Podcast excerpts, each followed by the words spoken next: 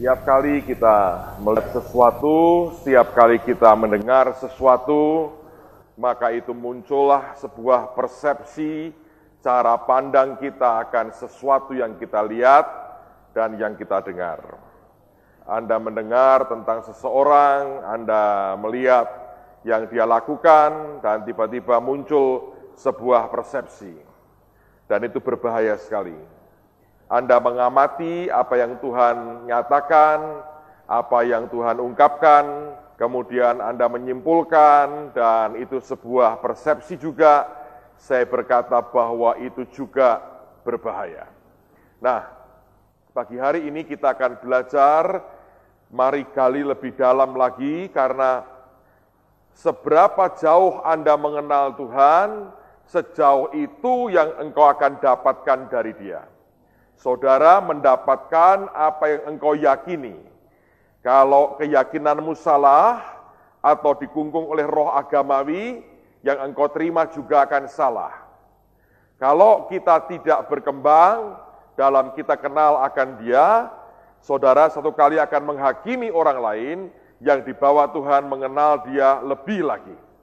Nah itulah yang terjadi dalam gereja Tuhan, dari abad ke abad orang suka menghakimi orang lain, memberikan cap tertentu kepada orang lain, memberikan sebuah persepsi tertentu kepada orang lain, dan itu yang membuat kita jatuh dalam dosa menghakimi. Semuanya karena ada sebuah kemandekan dalam kita kenal akan Tuhan kita. Mari lihat kisah Rasul pasal yang ketujuh. Saya tunjukkan lagi sebuah contoh bahaya sebuah persepsi orang pikir atau dia pikir itu berbahaya sekali. Kisah Rasul pasal 7 mulai ayat yang ke-22 sampai dengan 25. Kisah Rasul 7 ayat 22 sampai dengan ayat yang ke-25. Alkitab berkata, dan Musa dididik dalam segala hikmat orang Mesir, dan ia berkuasa dalam perkataan dan perbuatannya pada waktu ia berumur 40 tahun, timbullah keinginan dalam hatinya untuk mengunjungi saudara-saudaranya, yaitu orang-orang Israel. Ketika itu ia melihat seorang dianiaya oleh seorang Mesir. Lalu ia menolong dan membela orang itu dengan membunuh orang Mesir itu. Ayat 25 inilah sebuah persepsi. Dia berkata pada apa? Sangkanya, itu sebuah persepsi kan, pada sangkanya saudara-saudaranya akan mengerti bahwa Allah memakai dia untuk menyelamatkan mereka. Tetapi mereka apa? Persepsi yang salah itu berbahaya sekali. Kalau Anda salah mengkalkulasi, salah menghitung, artinya persepsimu salah, maka sebuah tindakan saudara ambil, ternyata reaksi orang tidak seperti yang engkau duga, itu merupakan sesuatu yang seperti bumerang dalam kehidupan kita. Musa berpikir dengan dia bunuh orang Mesir, dia menyangka, dia punya persepsi bahwa saudara-saudaranya akan mengerti bahwa Allah memakai dia untuk melepaskan mereka. Tetapi ternyata tidak. Dan kalau Anda baca berikutnya ayat ini, ceritanya ketika dia mencoba melerai dua orang Yahudi yang berantem, mereka malah berkata, kamu bunuh kan orang Mesir itu? Dia pikir akan dilindungi oleh orang-orang Yahudi yang merasa berutang budi, telah diselamatkan oleh Musa. Ternyata tidak sama sekali. Nah, dengan demikian kita harus sadar, apa pun yang masuk ke hidup kita akan menciptakan sebuah persepsi tertentu, baik terhadap orang lain, tapi juga terhadap dirinya sendiri. Nah, padahal perhatikan Amsal 23. Amsal 23. Kalau Anda ketemu Amsal 23, Lihat pada ayat yang ke-7. Bagian yang pertama saja, kalimat yang pertama.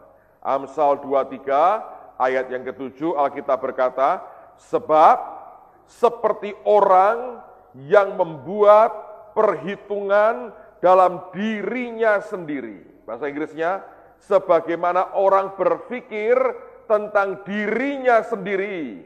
Apa? Demikianlah ia. Jadi apa pun yang engkau pikirkan tentang dirimu, itu akan jadi seperti itu. Kalau persepsi kita salah tentang diri kita, tentang apa yang Tuhan kerjakan dalam diri kita, maka kita akan menerima hasil sesuai dengan kesalahan itu. Pak, kalau gitu saya beranggapan bahwa dia luar biasa, dia hebat, dia begini. Itu juga enggak berlaku. Nah ini gawatnya, dengerin baik-baik. Kalau persepsimu tentang dirimu ke arah yang buruk, cepat terjadi. Kalau baik banget Pak, belum tentu terjadi. Kenapa? Sebab Alkitab berkata, jangan memikirkan hal-hal yang terlalu apa? Tinggi. Tapi kita semua berpikir menurut apa? Ukuran iman. Hati-hati loh saudara. Jadi kita berpikir menurut ukuran iman. Kalau itu ngedrop banget di bawah, tetap jadi itu.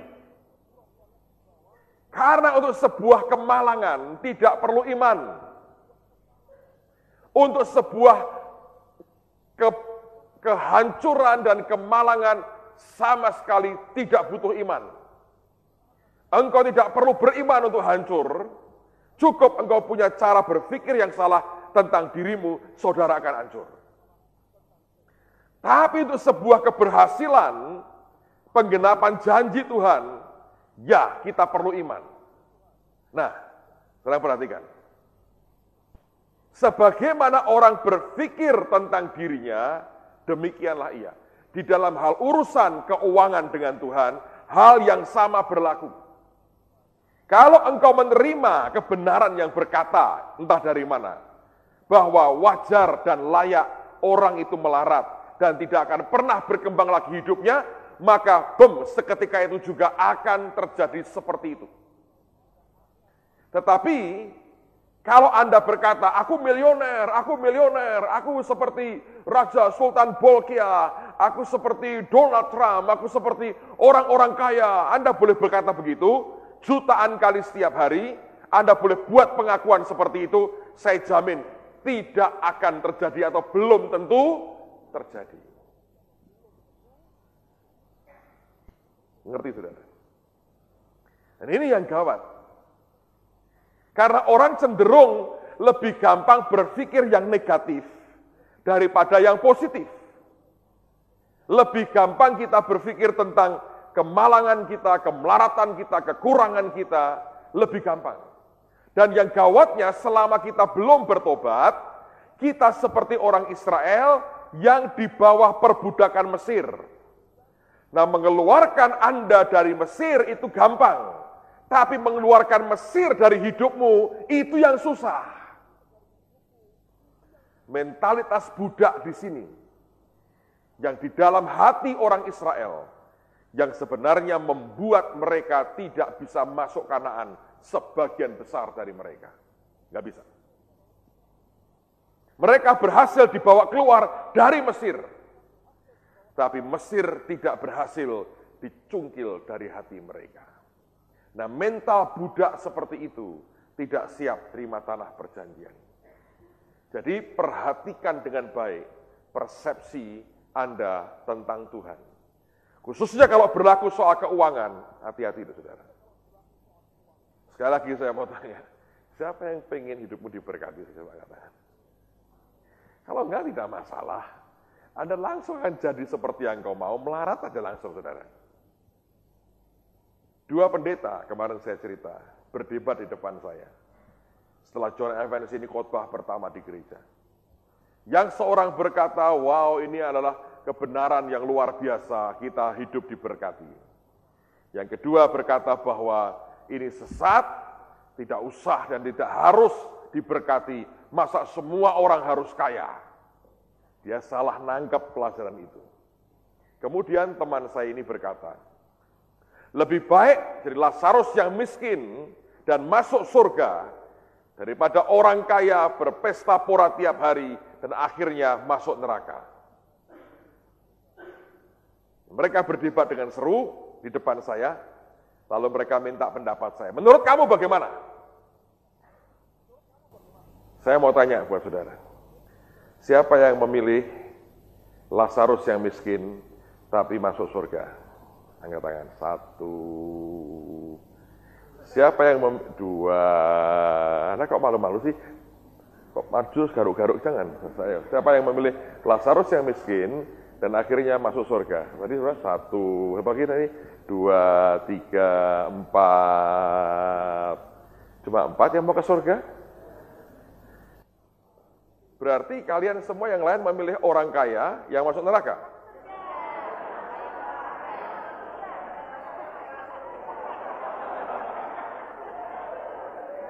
Tunggu, tunggu, tunggu. Dalam cerita itu, digambarkan dua orang kan? Ada orang kaya yang berpesta pora, mati masuk neraka. Ada Lazarus yang miskin, penuh borok, dijelati anjing, mati masuk surga. Siapa yang pilih lebih baik seperti Lazarus walaupun melarat di dunia, masuk surga. Coba angkat tangan tinggi-tinggi. Satu, dua, tiga, empat, lima, lebih banyak lagi. Ada lagi, ada lagi, ada lagi. Enam, wow, tujuh. Mikirnya panjang banget saudara mikirnya. Sekarang siapa yang kepingin jadi orang kaya tadi? Angkat tangan tinggi-tinggi. Satu, ke neraka pun dia lakukan. Satu, siapa lagi jadi orang kaya? Yang lain pengen jadi apa? Loh, di, di cerita itu,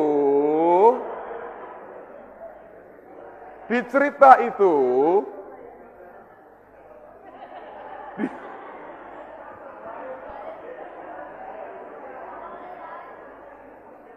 Saudara kok kepenginnya keluar dari konteks terus toh? Di cerita itu ada dua orang kan? Satu orang kaya, pesta pora, mati masuk neraka. Satu lagi Lazarus, yang miskin, pengemis, boroen, dijilatin anjing, mati masuk surga. Saya lagi ya, dua-dua orang. Kita, anda boleh milih kan, sesuai dengan tema cerita itu. Siapa yang pilih, lebih baik kayak Lazarus, melarat di dunia, mati masuk surga. Angkat tangan. Wow. Siapa yang pilih lebih baik kaya, mati masuk neraka. Hmm. Yang lain pilih? Sangat tidak alkitabiah dong.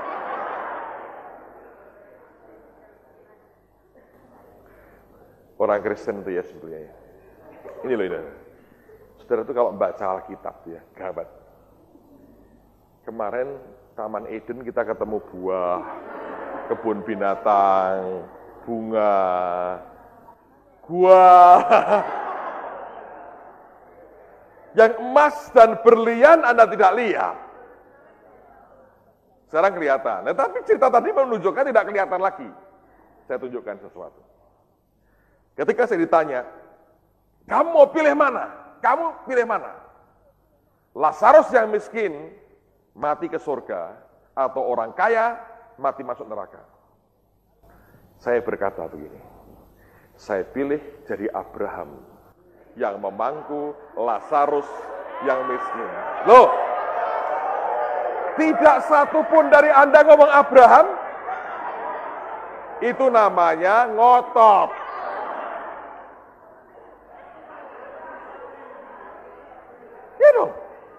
Kalau saya berkata kan ada dua tokoh, Anda berkata tiga harusnya. Ada Abraham kok. Ada di perumpamaan Yesus itu, ada. Itu yang Anda kepingin kan? Kenapa nama Abraham hilang? Persepsi. persepsi. Kalau nggak gini saya nggak ngajar, saudara. Persepsi. Saya berkata dengan teman saya, saya menjadi Abraham. Yang mangku Lazarus yang miskin dan masuk surga. Karena kalau Abraham juga kurus kayak Lazarus, nggak kuat mangku Lazarus.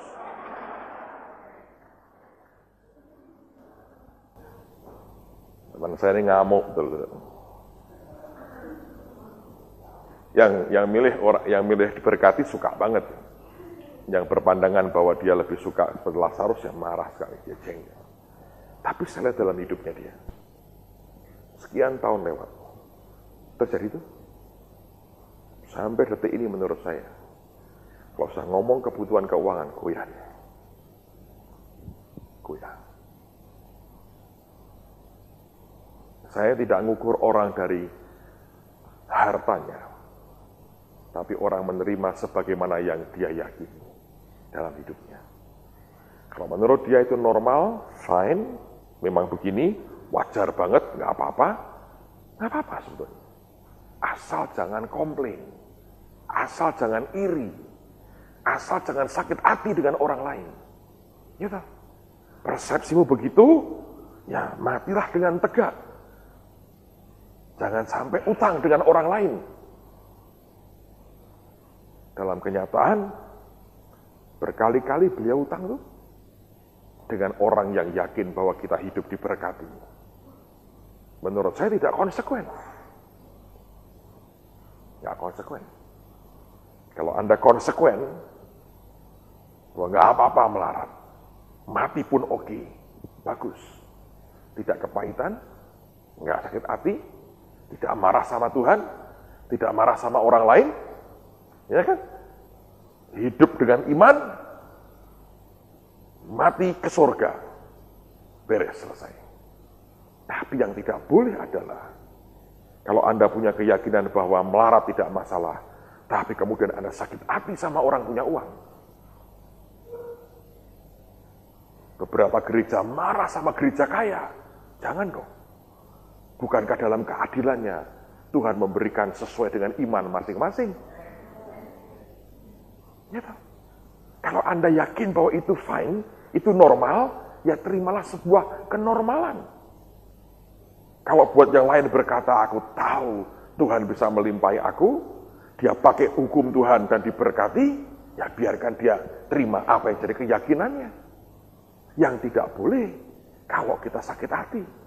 Kalau kita marah, kalau kita jengkel, kalau kita frustrasi, jangan. Sekali lagi, persepsi dalam hidup kita, Anda mesti hati-hati. Coba lihat Lukas 15. Injil Lukas pasal yang ke-15.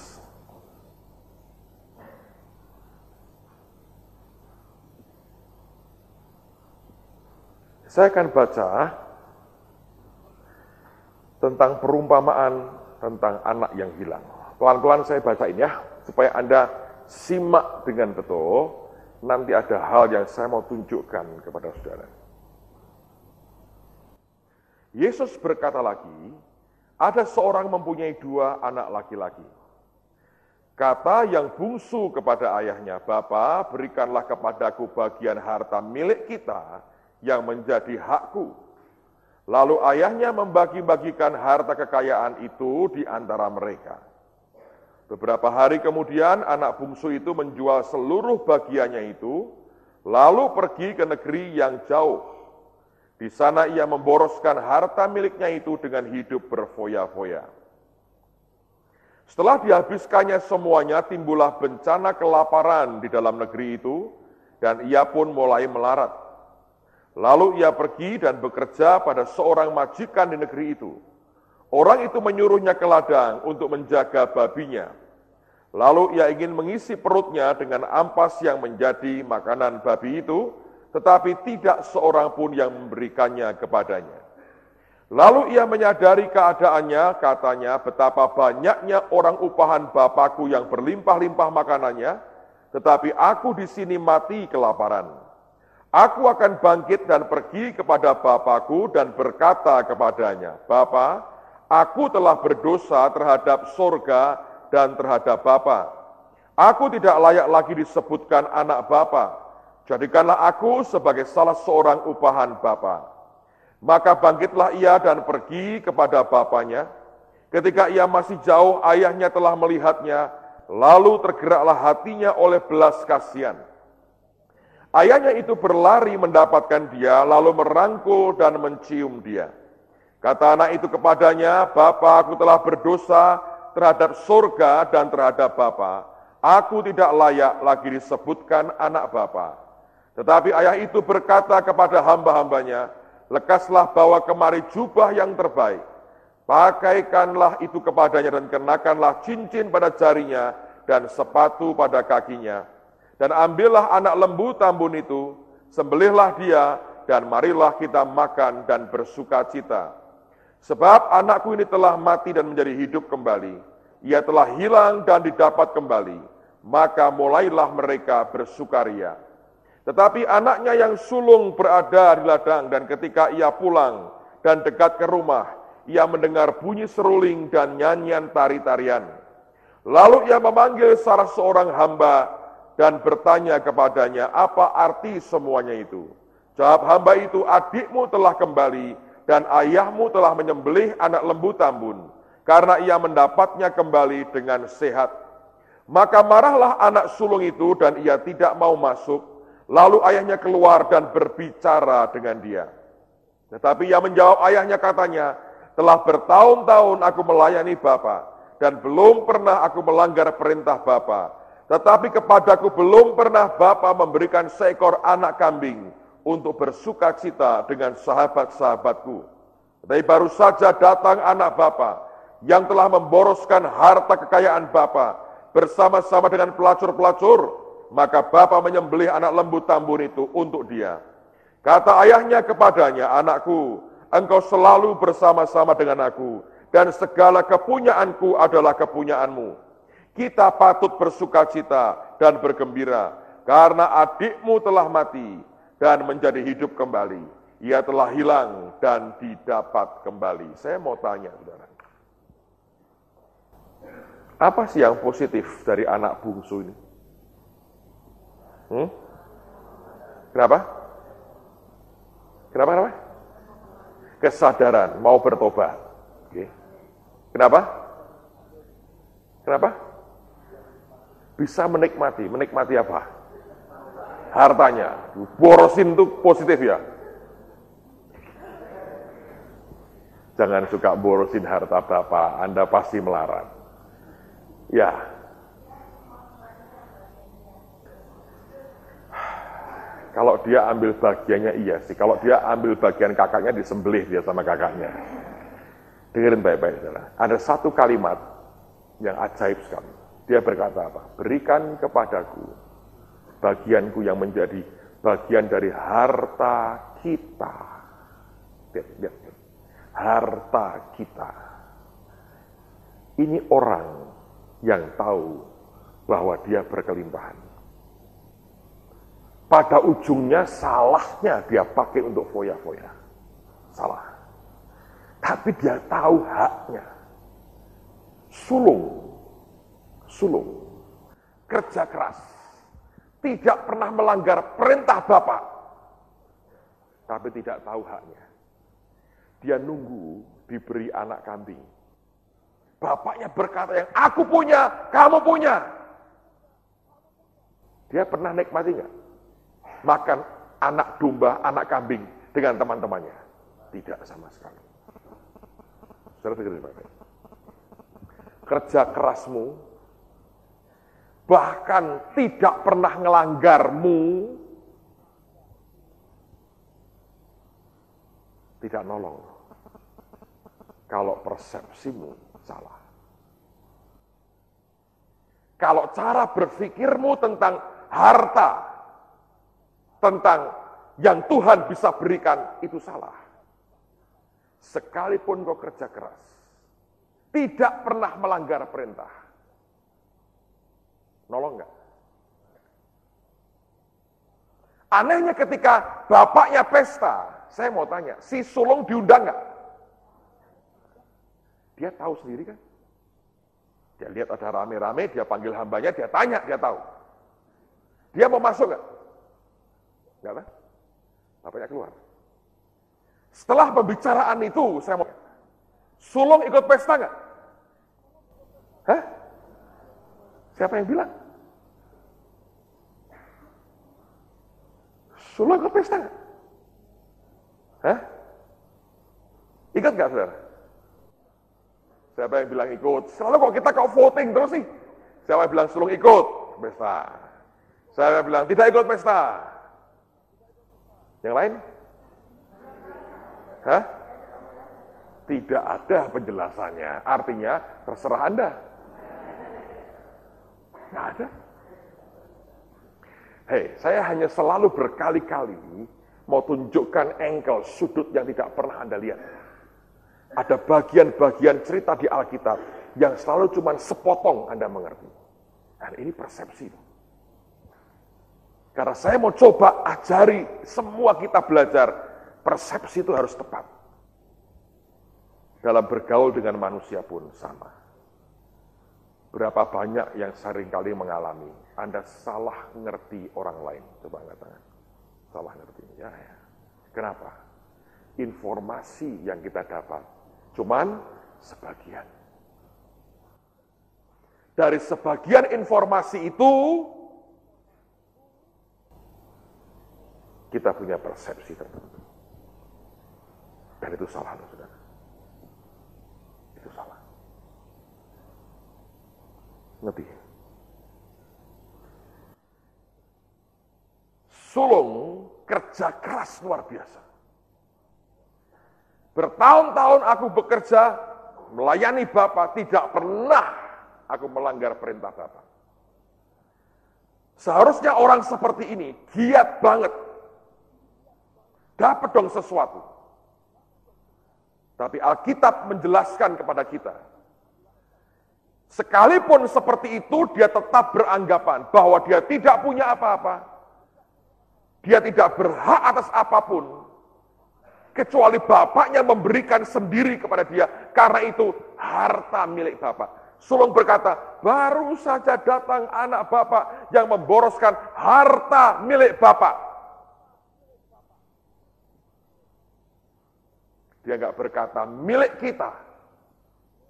Persepsinya berkata, aku tidak lebih dari pegawai. Bahkan aku lebih buruk dari pegawai. Karena karyawan digaji, Aku bahkan tidak digaji. Aku kerja keras, tidak pernah melanggar. Bapak gak memberikan apa-apa. Nah bapaknya berkata, engkau gak usah aku beri, ambil sesukamu. Yang aku punya, kamu punya.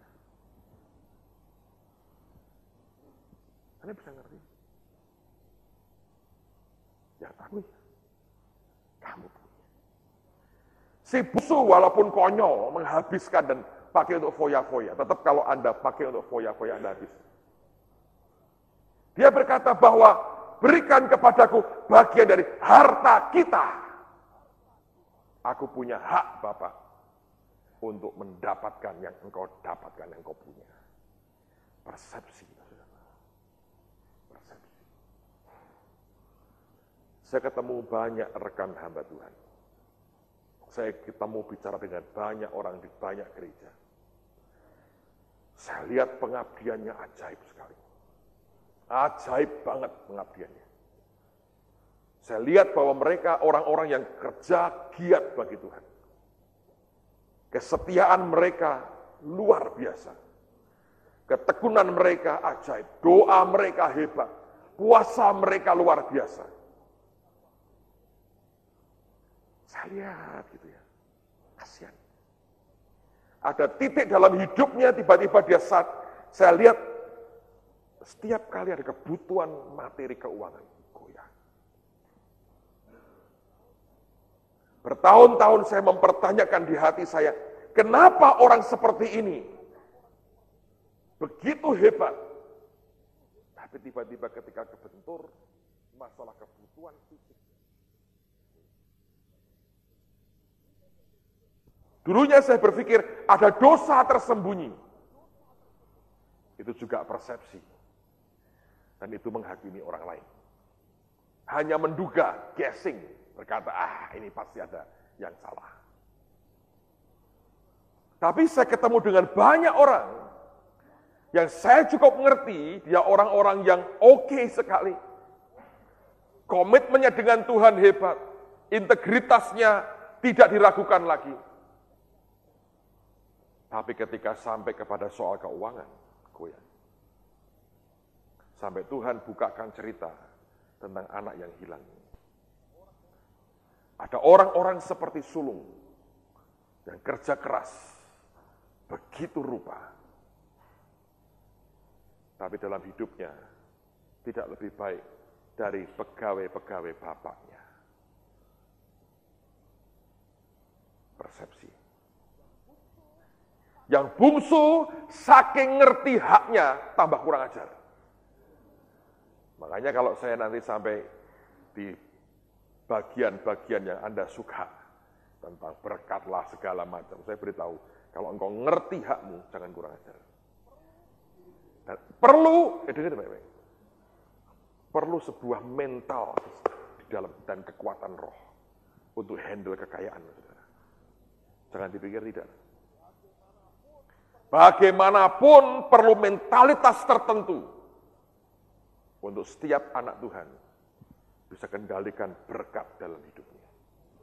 Yang sering kali saya lihat adalah banyak orang nggak cukup punya kekuatan di dalam untuk kendalikan akan uang. Apa artinya foya-foya? Foya-foya bisa berarti banyak. Engkau melakukan apa pun yang engkau mau tanpa Tuhan suka dan berkenan. Saya berdoa persepsi kita harus diubah. Kalau persepsimu tidak berubah, gawat. Lihat beberapa ayat lagi.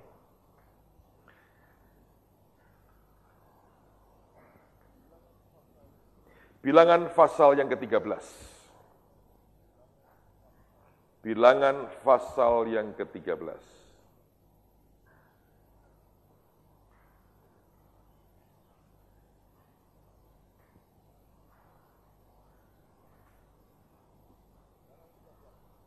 Bilangan 13.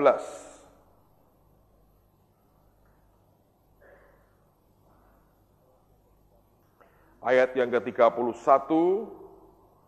ah, 30 lah, sampai 33. Bilangan 13, lihat mulai ayat yang ke-30 sampai dengan ayat yang ke-33. Udah, kita lihat sama-sama. Kemudian Kaleb mencoba menenteramkan hati bangsa itu di hadapan Musa katanya.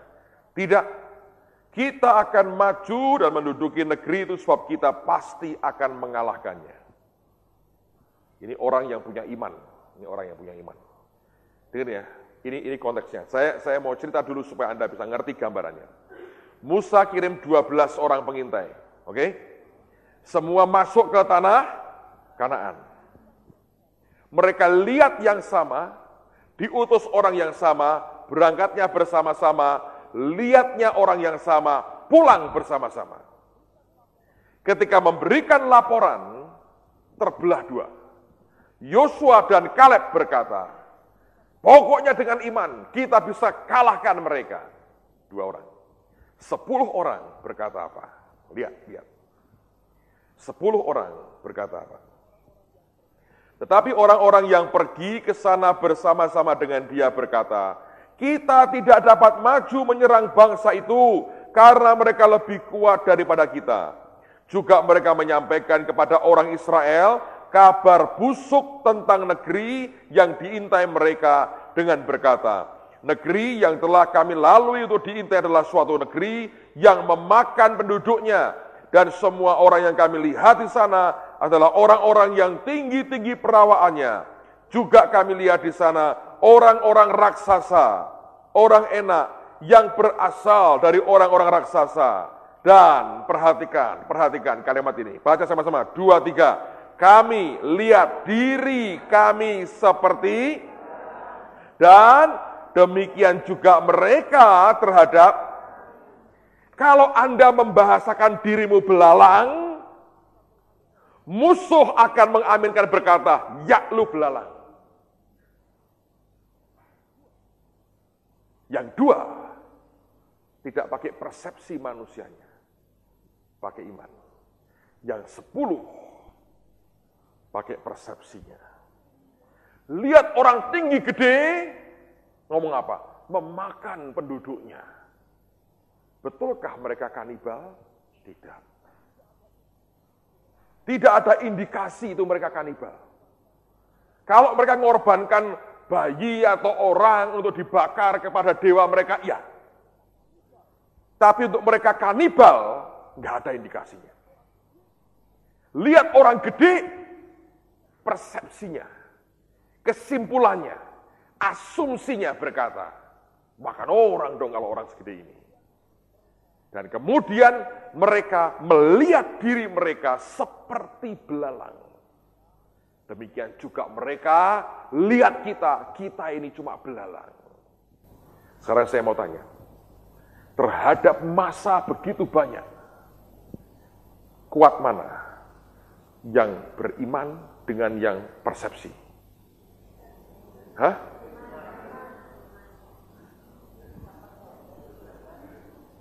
Kalau kuat yang beriman, nggak bakal mau dilempari batu mereka. Kenyataan masa percaya siapa? Persepsi orang. Bukan iman. Anda bisa ngerti nggak kekuatan sebuah persepsi itu? Anda bisa bunuh orang dengan persepsi. Bisa. Dalam hal apa pun, termasuk dalam hal urusan keuangan dalam kehidupan kita.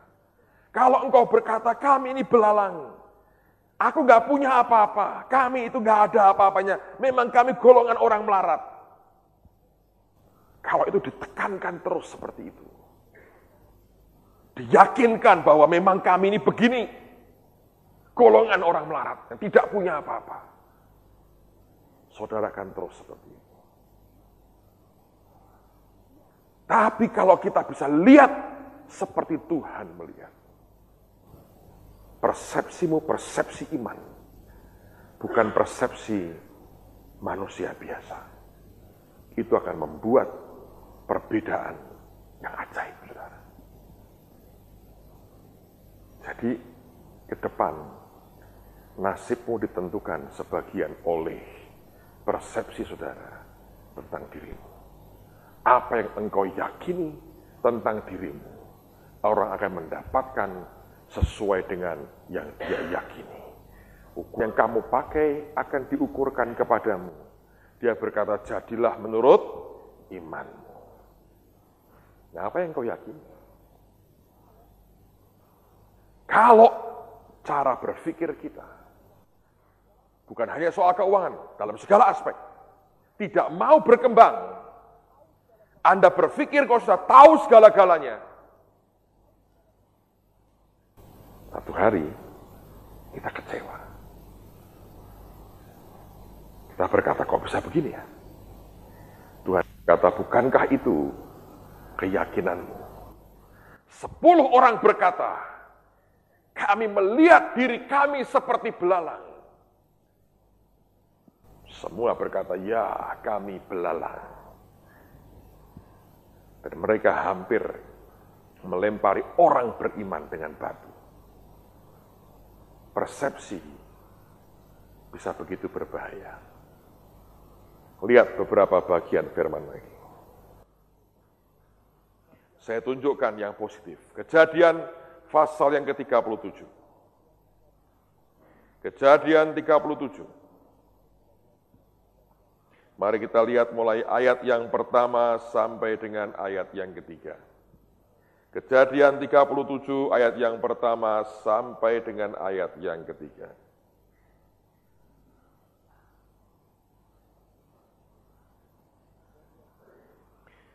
Kejadian 37 ayat pertama sampai dengan ayat yang ketiga. Adapun Yakub ia diam di negeri penumpangan ayahnya, yakni di tanah Kanaan. Inilah riwayat keturunan Yakub. Yusuf tatkala berumur 17 tahun, jadi masih muda. Biasa menggembalakan kambing domba bersama-sama dengan saudara-saudaranya, anak-anak Bilha dan Silpa, kedua istri ayahnya. Dan Yusuf menyampaikan kepada ayahnya kabar tentang kejahatan saudara-saudaranya. Ayat 3. Israel lebih mengasihi Yusuf dari semua anaknya yang lain. Sebab Yusuf itulah anaknya yang lahir pada masa tuanya. Dan ia menyuruh membuat jubah yang maha indah bagi dia. Kita tahu cerita Yusuf, dia akhirnya dari seorang raja muda di Mesir. Dia pernah terima visi dari Tuhan tentang berkasnya yang disembah oleh berkas yang lain, tentang bulan, bintang, matahari menyembah dia. Sampai semua akhirnya menyadari Tuhan punya maksud, rencana yang besar dalam hidupnya. Tapi saya percaya ini, saudara. Sebelum Tuhan memberikan visi besar dalam hidup Yusuf. Yakob bagaimanapun dia seorang hamba Tuhan. Dalam hidupnya ada begitu banyak nubuatan yang dia sampaikan. Dia memberkati Firaun, dia memberkati anak cucunya, dia nubuatin mereka. Di dasar hatinya yang paling dalam, saya yakin dia ngerti ada sesuatu pada orang yang bernama Yusuf. Karena itu sejak dia belia sekali, sejak dia muda, Yakob memperlakukan Yusuf berbeda. Dan Alkitab memperlakukan Yusuf juga berbeda. Kalau Anda baca dengan celia, kita berkata, inilah kisah tentang Yakob. Terus Yusuf, lucu kan, tentang Yakob. Tapi ngomongnya siapa? Yusuf. Saudara harus ngerti ya, itu ada ada ada kebenaran di belakangnya. Kapan-kapan kita belajar lagi. Setelah kita mengatakan ayahnya membuatkan bagi Yusuf jubah yang maha indah. Sebetulnya itu adalah a tunic of many colors. Jubah dengan warna-warni. Zaman dulu, baca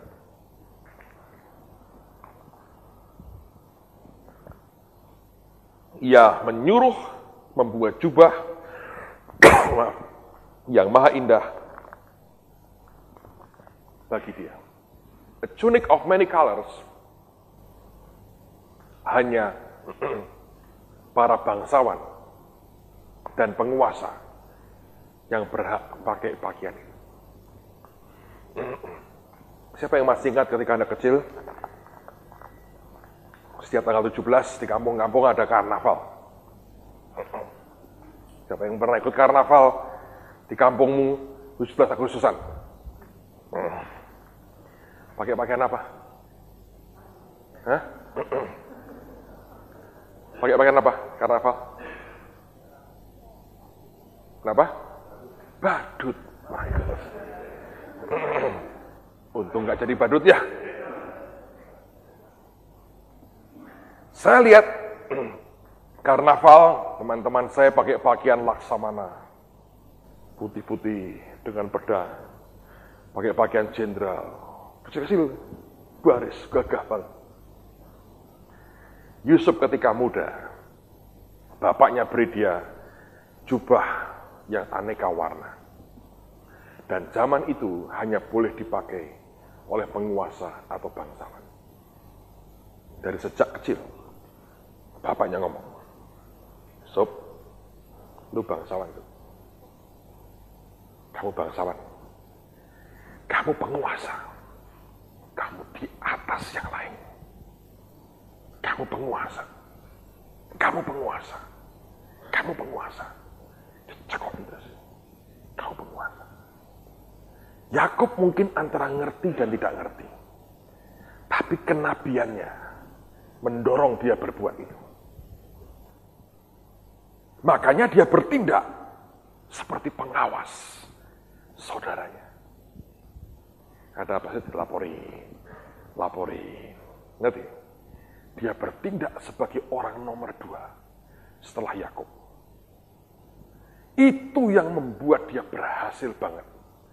Karena itu merupakan akar benihnya dia dari muda banget ditanam oleh bapaknya. Persepsi. Persepsi. Jangan keliru dengan persepsi. Amen. Kalau kita salah memasukkan sesuatu di sini dan di sini, ke depan bisa berbahaya sekali. Sebab saudara menerima apa yang engkau yakini. Baik, teruskan lagi. Lihat beberapa ayat lagi sebelum kita selesai. Kejadian pasal yang ke-22 sekarang. Kejadian pasal 22.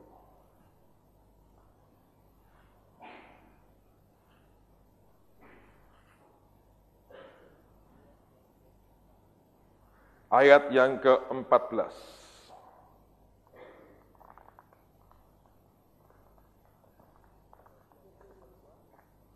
Kejadian 22 ayat yang ke-14. Mari kita baca bersama-sama Kejadian 22 14.